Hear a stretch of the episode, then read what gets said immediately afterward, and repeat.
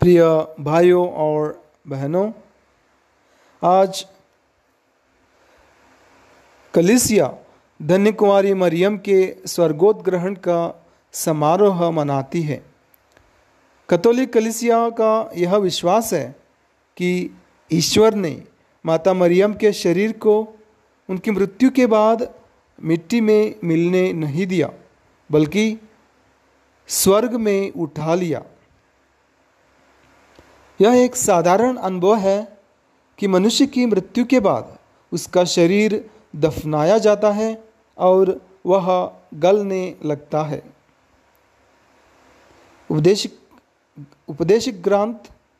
अध्याय तीन पद संख्या बीस बताता है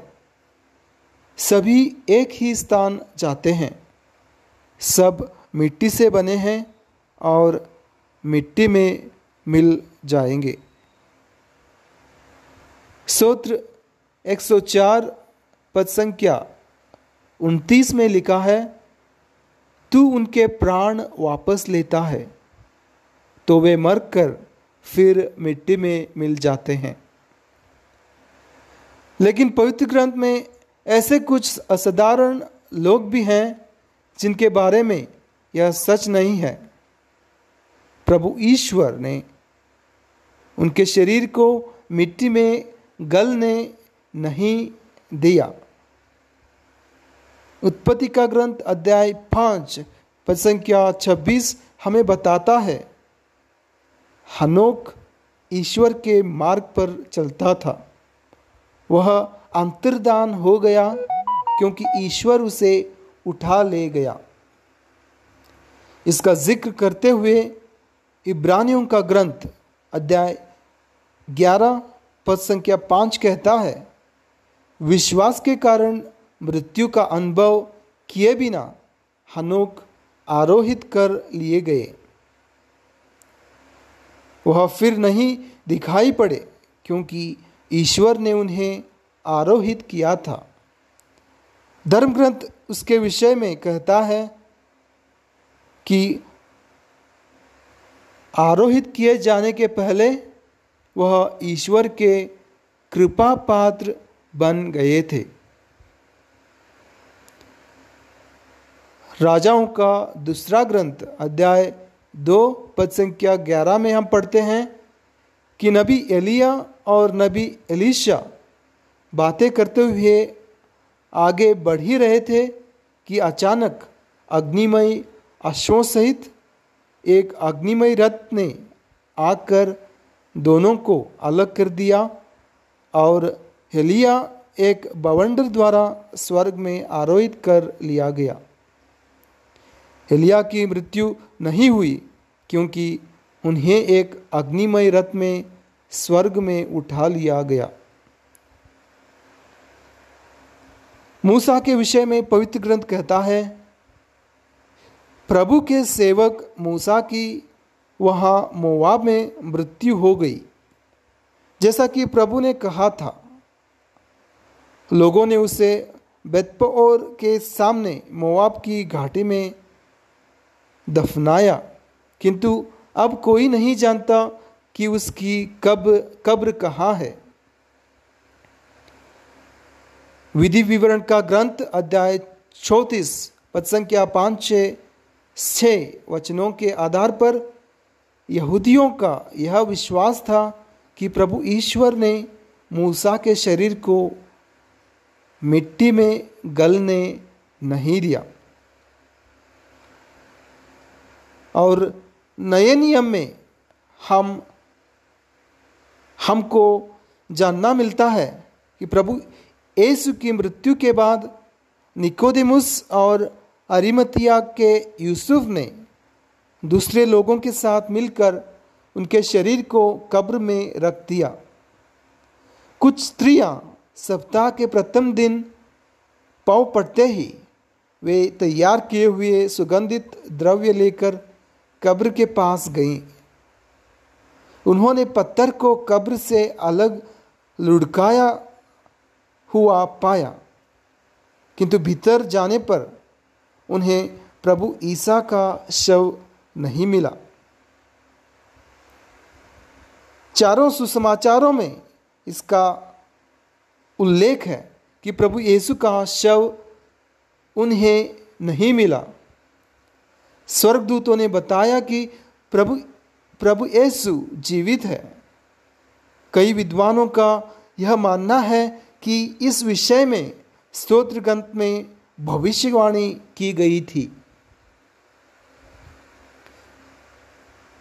स्त्रोत्रकार कहता है तू मेरी आत्मा को अधोलोक में नहीं छोड़ेगा तू अपने भक्त को कब्र में गलने नहीं देता प्रिय भाइयों और बहनों माता मरियम के स्वर्गोद्रहण के विषय में हम पवित्र बाइबल में कुछ भी स्पष्ट उल्लेख नहीं पाते हैं धर्मग्रंथ के कई विद्वानों का यह मानना है कि प्रकाशन का ग्रंथ अध्याय 12 पद संख्या 1 से 10 में जिस महिला का उल्लेख है वह माता मरियम है वहाँ वाक्य अच्छे में लिखा हुआ है महिला मरुभूमि की ओर भाग गई जहाँ ईश्वर ने उसके लिए आश्रय तयार करवाया था प्रिय भाइयों और बहनों पांचवीं सदी से माता मरियम के स्वर्ग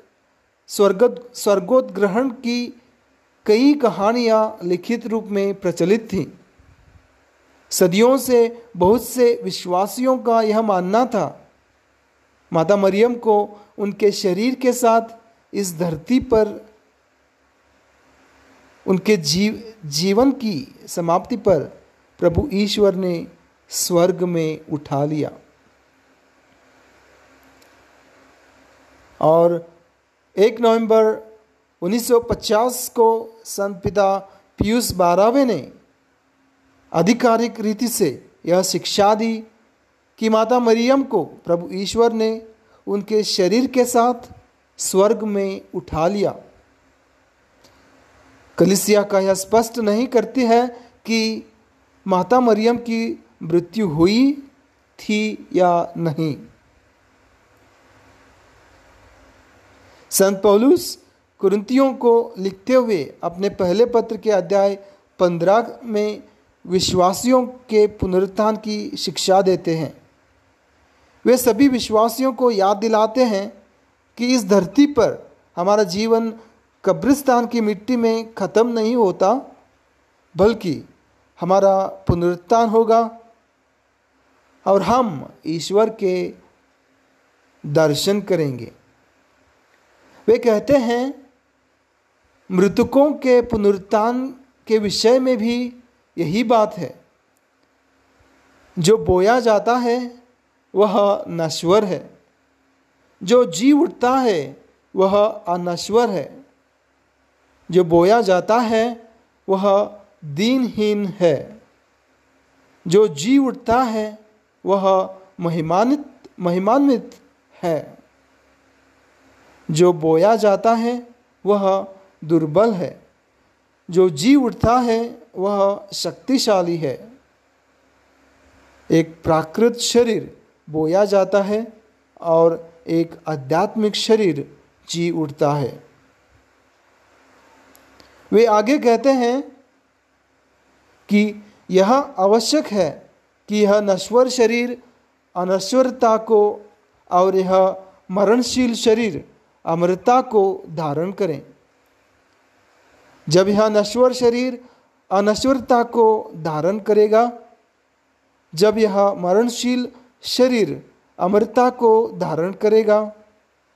तब धर्मग्रंथ का यह कथन पूरा हो जाएगा मृत्यु का विनाश हुआ